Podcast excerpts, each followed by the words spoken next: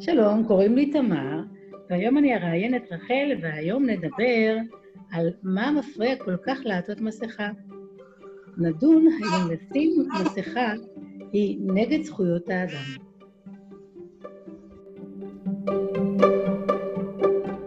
האם את מתחשבת בזולת כשאת אותה מסכה? כן, בעיקר על בעלי שהוא uh, בסיכון גבוה מאוד, ולכן אני מעט לצאת מהבית, ואם כן, זה בוודאי עם מסכה. האם ידוע לך מהו הנזק כאשר לא עוטים מסכה? Uh, כן, יש אפשרות לפזר את החיידקים שלי, או לעומת זאת לקבל חיידקים של מישהו אחר. אז הנזק אה, זה לפזר את המחלה, חס וחלילה. כן, אבל אם את בריאה, את לא, את לא, את לא גורם למחלה, אז את לא...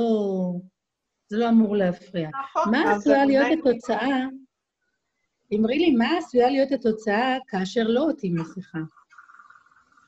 אה, אם מישהו חולה או עם תסמינים שלו, שעוד לא uh, גילו אותם, הוא יכול לפזר את המחלה באוויר, והיום הם מגלים שזה כן עובר באוויר, אז המסכה נותן איזושהי הגנה נגד המחלה משני הצדדים.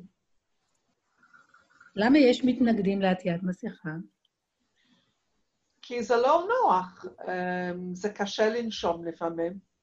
למישהו עם משקפיים זה עוד יותר קשה, כי לפעמים המשקפיים מלא עדים מההנשמה תוך המסכה.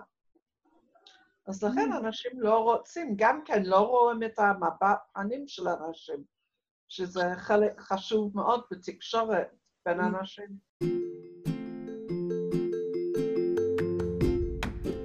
נראה שזה די ברור שאין הסכמה ברורה על עטיית המסכות. תודה רבה. שמחתי לארח אותך כאן באולפני. תבורכי.